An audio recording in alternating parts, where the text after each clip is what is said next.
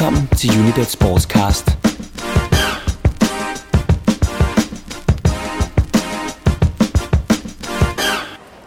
Det er sent på aftenen, tirsdag den 13. juni 2012. Sammen med 3.000 andre fodboldfans sidder jeg i Livs nybyggede internationale lufthavn og venter på, at de stakkels overbebyrdede ukrainske flyveledere får trafikken til at glide så meget, at vi kan komme ud af landet igen. Danmark har tidligere på aftenen tabt 2-3 til Portugal. Et heroisk comeback fra 0-2 blev ødelagt, da regler 4 minutter før tid forvendt sig i det danske strafsparksfelt, og i to forsøg sendte bolden i mål til portugisisk sejr. Forude der venter en næsten håbløs opgave mod de tyske storfavoritter, der samme aften har slået Holland 2-1. Men mens den danske EM-exit truer, har jeg haft tid til at tænke over, hvorfor vi i grunden er her. Altså i Ukraine.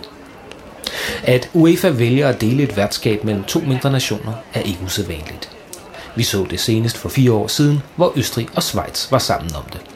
Tidligere har Holland og Belgien været værter. Men det, der er nyt, det er, at den ene vært, Polen, er medlem af EU, mens den anden, Ukraine, ikke er. Og at Ukraine i øvrigt døjer med, skal vi kalde det, demokratiske udfordringer. Men det vender vi tilbage til.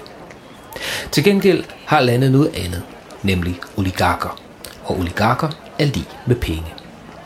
En EM-slutrunde, den handler om penge. Mange penge. Og i dette tilfælde også om kul, stål, fodbold, magt og politik og gode forbindelser. Og dermed bliver det et faktum, at havde det ikke været for oligarkerne, ville Ukraine aldrig have haft en chance for at afholde EM. Velkommen til en særudgave af Unibet Sportscast, der denne gang handler om fodbold og penge i Ukraine. Mit navn er Per Maxen.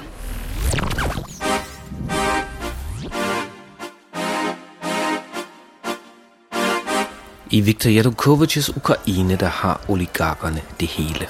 Og selvom det var den nu fængslede oppositionsleder Julia Timoshenko, der førte an for at få EM til landet, er det Yanukovych og hans venner, der i første omgang høster æren for det. Uanset at den meget omtale af Timoshenkos fængsling efter en retssag, der hvis det gik helt færre til, har sat et kedeligt fokus på det, der ellers skulle have været Ukraines entrébillet til det fine selskab. Ligesom en BBC-dokumentar om voldelige og racistiske fodboldbøller næppe heller gjorde hverken Ukraine eller det andet værtsland Polen nogen PR-tjenester. Men tag ikke fejl, det var oligarkerne, der om nogen var den afgørende faktor for at få EM til Ukraine.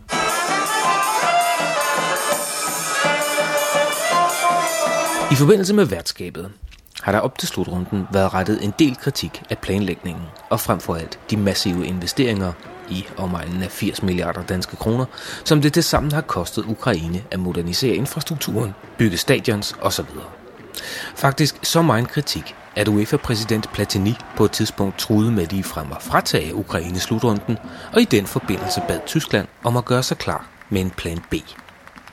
Den forhåndværende regering, ledet af nu fængslede Julia Timoshenko, ville primært finansiere de mange byggeprojekter via private investorer. Men da Viktor Yanukovych kom til magten i 2010, afbrød han de fleste private kontrakter og trak de offentlige udbud af byggeprojekterne tilbage for at sætte fart på EM-forberedelserne. Resultatet blev, at omkring 80% af EM-budgettet nu er finansieret af regeringen. Så vidt, så godt. Problemet er bare, mener den tyske europaparlamentariker Rebecca Harms, at Janukovic i virkeligheden overlod de bedste kontrakter til sine bedste venner og støtter. En anden kritiker, den amerikansk-ukrainske journalist Mark Rakevich, har i den engelsksprogede avis Kier Post i flere år fulgt projekterne og frem for alt pengenes veje i forbindelse med slutrunden. Og til Danmarks Radios P1 fortalte han tilbage i maj måned, at han snart opdagede, hvordan midlerne efterhånden forsvandt i den sump af korruption og vendetjenester, der kendetegner et kleptokrati som Ukraine. Herunder blandt andet er rigtig mange kontrakter er havnet hos firmaer, der opererer fra Donetsk i det østlige Ukraine. Næppe helt tilfældigt, eftersom Janukovic kommer fra den region, der i parentes bemærket er den mest pro-russiske del af Ukraine. Og det samme gør i øvrigt nogle af hans væsentligste støtter. Især nogle mennesker, der har endnu meget store formuer og mindst lige så stor passion for fodbold.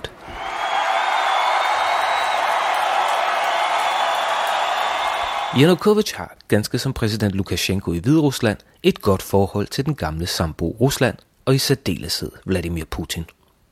Men Janukovic har også været meget dygtig til at oparbejde et godt forhold til de nyrige oligarker, der som fritidssyssel har det at eje de fleste lokale fodboldklubber. Her er især en i øjnefaldene, nemlig Shakhtar Donetsk, vinder af den sidste UEFA Cup i 2010. Donetsk er interessant, fordi den for det første ejes af Rinat Akhmetov, der er en af verdens rigeste mænd, og fordi den spiller på Donbass Arena, et af verdens mest moderne stadions. I øvrigt det sted, hvor Ukraine spiller to af sine kampe i den indledende runde af EM. Umiddelbart er det ikke så underligt. Det er jo, som jeg lige sagde, et af de mest moderne stadions i verden. Men hvor Polen spiller alle sine kampe i hovedstaden Warszawa, der spiller Ukraine altså to gange i provinsen. Og at en værtsnation ikke spiller i hovedstaden eller i landets største by, det er noget at særkende. I 2008 spillede Østrig alle sine kampe i Wien, og Schweiz alle sine i Basel. I 2004 spillede Portugal samtlige kampe i Lissabon, minus åbningskampen, som fandt sted i Porto. I år 2000 spillede Holland alle sine kampe i Amsterdam med en enkelt afstikker til Rotterdam, mens medverden Belgien spillede alle kampe i Bruxelles. I 1996 spillede England alle sine kampe på Wembley, og i 92 lagde Rosunda i Stockholm græs til alle Sveriges kampe. Kun i 1988 var Vesttyskland på turné, men det skyldes, at Tyskland ikke har nogen national hjemmebane, men at Forbundsrepublikken altid har haft tradition for at sende landsholdet rundt på forskellige stadions i landet. Så at Ukraine optræder flere gange i Donetsk end i hovedstaden Kiev, er symbolik med en meget håndgribelig betydning. Nu kommer det naturligvis an på, hvordan man anskuer det. Skal man være venlig, kunne man nu sige, at det er en yderst demokratisk at lægge værtsnationskampe her, da det giver mulighed for at dele glæderne ved værtskabet. Og at finalen ved dette EM jo skal spilles i hovedstaden. Skal man være mere kritisk, kunne man sige, at der nok er en meget god grund til, at Ukraine spiller flere kampe i Donetsk end i Kiev. Det kan have det med det at gøre, at ikke blot Akhmetov er herfra, det er Janukovic også. Og Rinat Akhmetov, der ejer Shakhtar Donetsk, er en interessant skikkelse. Han er grundlægger af System Capital Management og en af, hvis ikke den rigeste mand i Ukraine. Han er forresten også parlamentsmedlem for regionernes parti. Han er nummer 39 på Forbes liste over verdens rigeste med en anslået formue på 16 milliarder dollars. Og Akhmetov er i hvert fald en meget dygtig forretningsmand, for tilbage i 2006 var han således kun nummer 451 på selvsamme liste. Præcis hvordan Akhmetov er kommet til sin formue, forbliver lidt af en gåde. I hvert fald hvis man ser på, hvordan han startede ud. Anklager om, at han skulle have været involveret i organiseret kriminalitet, er på det kraftigste blevet tilbagevist, og så sent som i 2008 vandt han en injuriesag i London. I øvrigt en by, han holder så meget af, at han i 2011 betalte en bagatel af 136 millioner pund for en lejlighed i One Hyde Park, verdens dyreste lejlighedskompleks. Siden retssagen i London har flere medier i såvel Ukraine som udlandet måtte dementere historier om Akhmetovs fortid. Men den slags kritiske spørgsmål, dem stiller man slet ikke i hans hjemlige region. For som lokal fodboldfan kan det være svært at kritisere en mand, der har smidt over 500 millioner euro i Shakhtar Donetsk. Stadion Donbass Arena alene kostede de 150 millioner, og han har gjort klubben til en magtfaktor i europæisk topfodbold.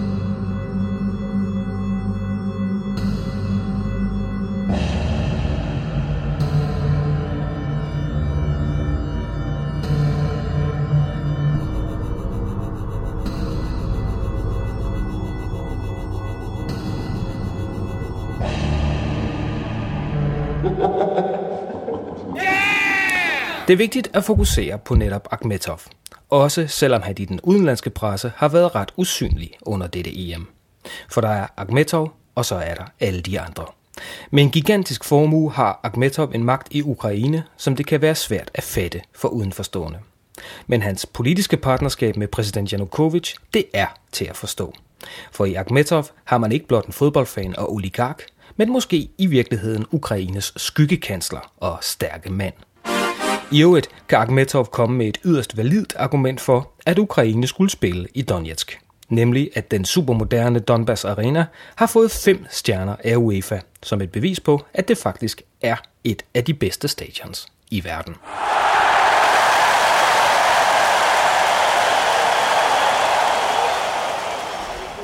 Men Rinat Akhmetov er bestemt ikke den eneste fodboldglade oligark, der står på god fod med regeringen.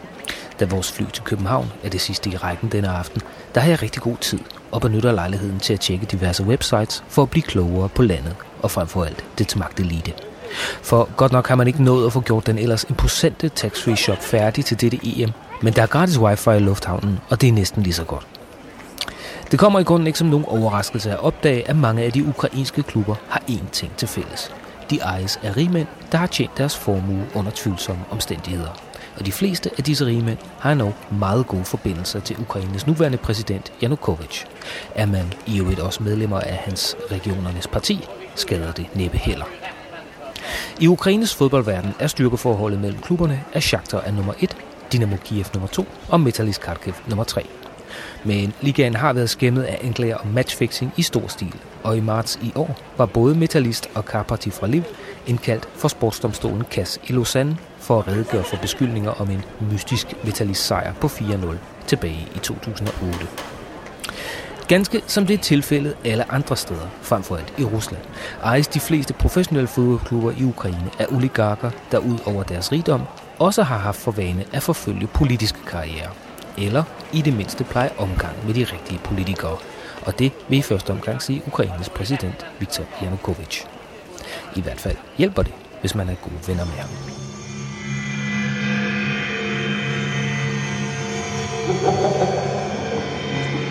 Blandt de øvrige vindere i spillet finder man for eksempel Alexander Jaroslavski, der ejer Metalist Kharkov. Han er manden med pengene i det nordøstlige Ukraine, og selvom hans præcise formue er en hemmelighed, så regnes han for en af de rigeste mænd i landet. Også han har en politisk karriere fra 2002 til 2006 bag sig. Sammen med Viktor Pinchuk, den næstrigeste mand i landet, er han initiativtager til Ukrainian Lunch under World Forum i Davos. Et event, der havde deltagelse af præsident Yanukovych, ligesom Roman Abramovich nævnes som en af hans nære venner. Han er ikke helt i Akhmetovs vægtklasse, og det er hans klub heller ikke. Men han investerer i fremtiden. 50 millioner euro er allerede flyttet ind i et nyt stadion, og 200 millioner i en ny lufthavn i Kharkiv og så et tocifret millionbeløb i spillerindkøb til hans klub Metalist. Igor Surkis, manden bag Dynamo Kiev, er mest kendt for at være en del af det, der er kaldet The Kiev 7, eller bare K7. En gruppe af forretningsmænd fra Kiev, der har deres baggrund i det kommunistiske system.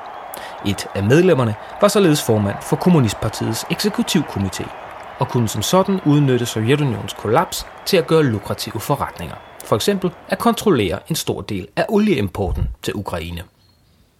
Igor Surkis kan bryste sig af at være manden, der midt i 90'erne sørgede for en massiv import af alkohol og cigaretter til landet. Momsfrit. Dynamo Kiev er blot en lille del af K7's forretninger, men ikke desto mindre en yderst synlig del af den. Ikke mindst fordi Ihasukis' bror Grigori er formand for det ukrainske fodboldforbund. Medlemmerne af K7 forstår i en sand machiavellisk grad at holde sig tæt på magthaverne og gennem deres politik beskytte deres forretninger. De holder sig tæt på magthavere og konsoliderer deres base kontinuerligt. I øvrigt kender vi godt brødrene Surkis i Danmark. Det var dem, der i 1995 stod bag et fejlslagende forsøg på at bestikke den spanske dommer Lopez Nieto med en pels. Det blev opdaget og kostede Dynamo Kiev pladsen i Champions League, der i stedet gik til OB. Men at især Grigori Sukis nok har forfinet sin teknik, kunne man forledes til at tro efter rygterne om, at det var på hans regning, at alle medlemmer af UEFA's eksekutivkomité blev overbevist om, at Ukraine var det rigtige sted at afholde EM 2012.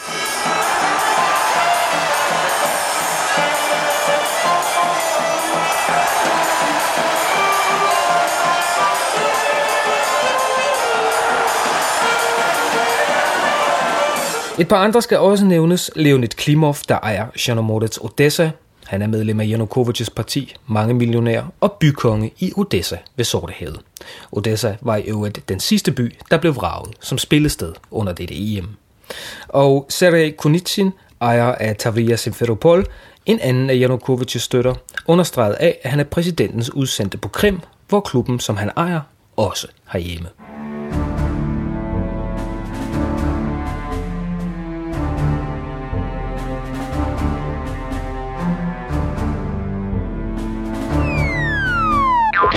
Leder man efter taberne i magtspillet om EM, er det nemmest at sammenligne to byer. Forskellen på Liv og Donetsk kan ikke være mere udtalt. I vest, Liv, engang kaldet Lemberg, hovedstaden i den østrisk-ungarske provins Galicien. En kulturel perle af især jugendstil. Mod øst Donetsk, indbegrebet af sovjetisk industrialisme med højovne, betonbyggeri og omkringliggende steppelandskab. Liv har gennem historien været regeret fra Wien eller Warszawa, Donetsk fra Moskva. I Liv er man stolt af sin antisovjetiske modstand og har sat et monument over undergrundslederen Stepan Bandera. I Donetsk står der stadig en statue af Lenin midt i byen. Det bliver hurtigt tydeligt, at de fire ukrainske spillesteder, Kiev, Kharkov, Donetsk og Liv, bestemt ikke er ligestillede. For selvom Liv har fået en ny lufthavn og et nyt stadion, er denne region reelt taberen i magtspillet om EM. Ikke mindst fordi kontrakterne til byggeriet er gået til firmaer som Altcom, der har deres base i Donetsk-regionen. Og selvom Liv dermed oplevede et byggeboom som aldrig før, så var det ikke lokale firmaer, der fik størst glæde af milliardinvesteringen i EM. Hertil skal så lægges de millioner, der et eller andet sted er forsvundet undervejs. Uafhængige kilder, som det tyske Raiffeisen Research, konstaterer der også, at der har været rig lejlighed til overbetaling for ydelser. Ikke mindst de 3,6 milliarder euro, det har kostet at bygge det olympiske stadion i Kiev om. Og konservative estimater taler om, at 30-40 procent af de statslige penge ganske enkelt er forsvundet i byggerådet. Uagtet at pengene skulle bruges i liv, er en stor del af dem på den ene eller anden måde rød retur til Donetsk. Det tidligere omtalte firma Altcom, der har stået for en stor del af byggeriet, har kringlet ejerforhold, der ender i en postadresse i det mellemamerikanske skattely Belize.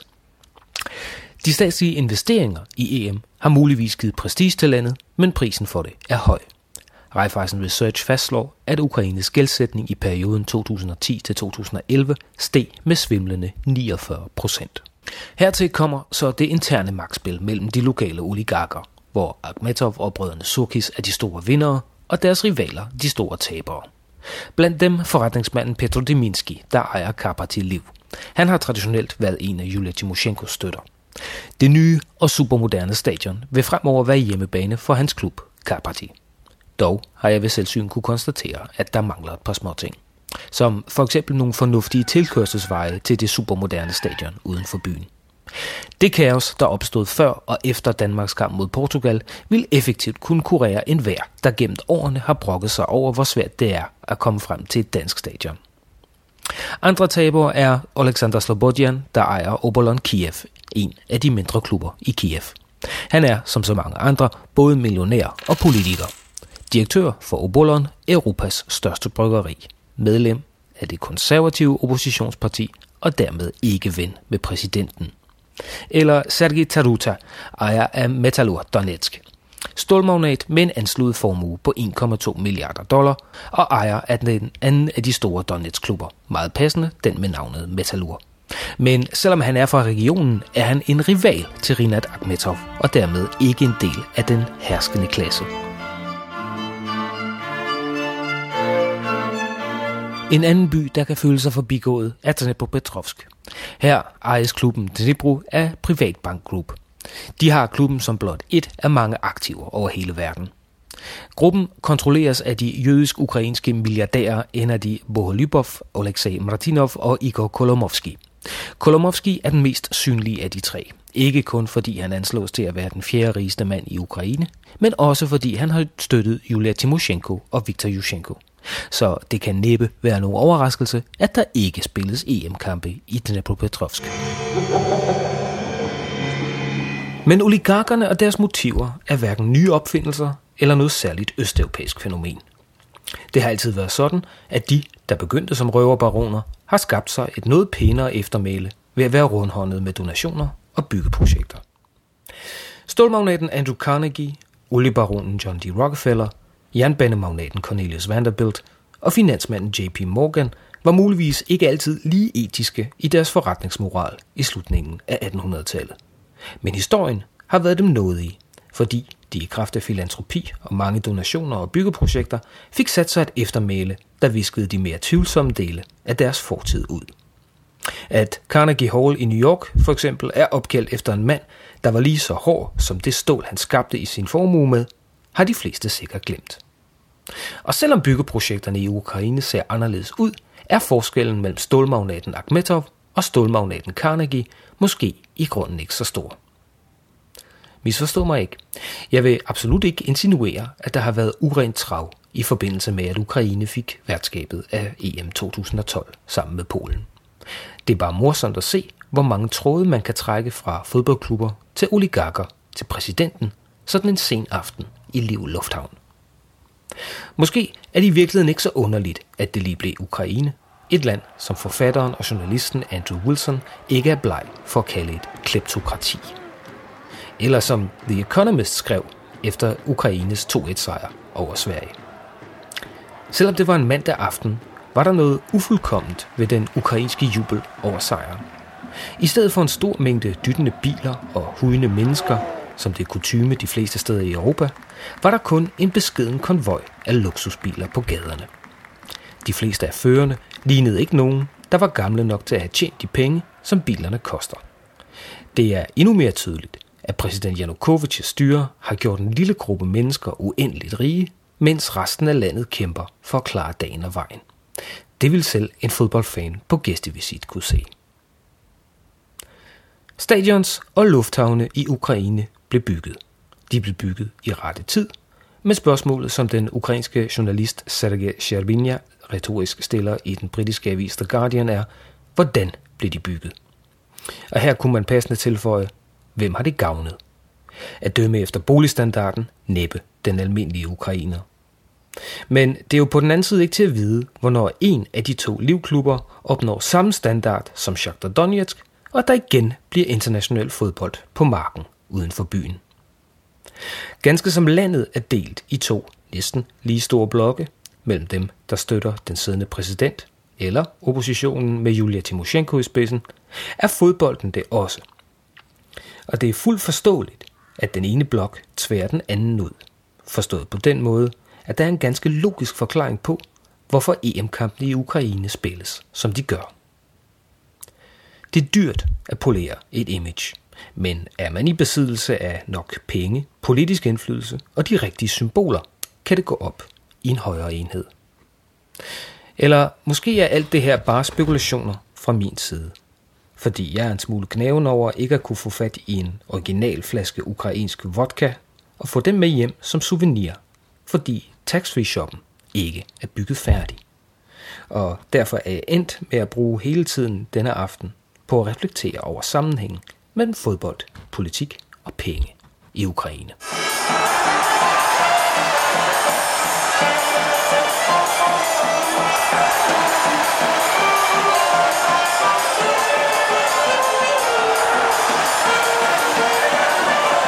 På vores hjemmeside unibet.dk har vi lagt hele rejsebrevet fra Ukraine sammen med links til flere artikler om emnet. Du kan også finde linksene på vores Facebook-side. Find os under Unibet Danmark. Du har lyttet til en særudgave af Unibet Sportscast. Andreas Stefansen sørger for teknikken, og mit navn er Per Marksen.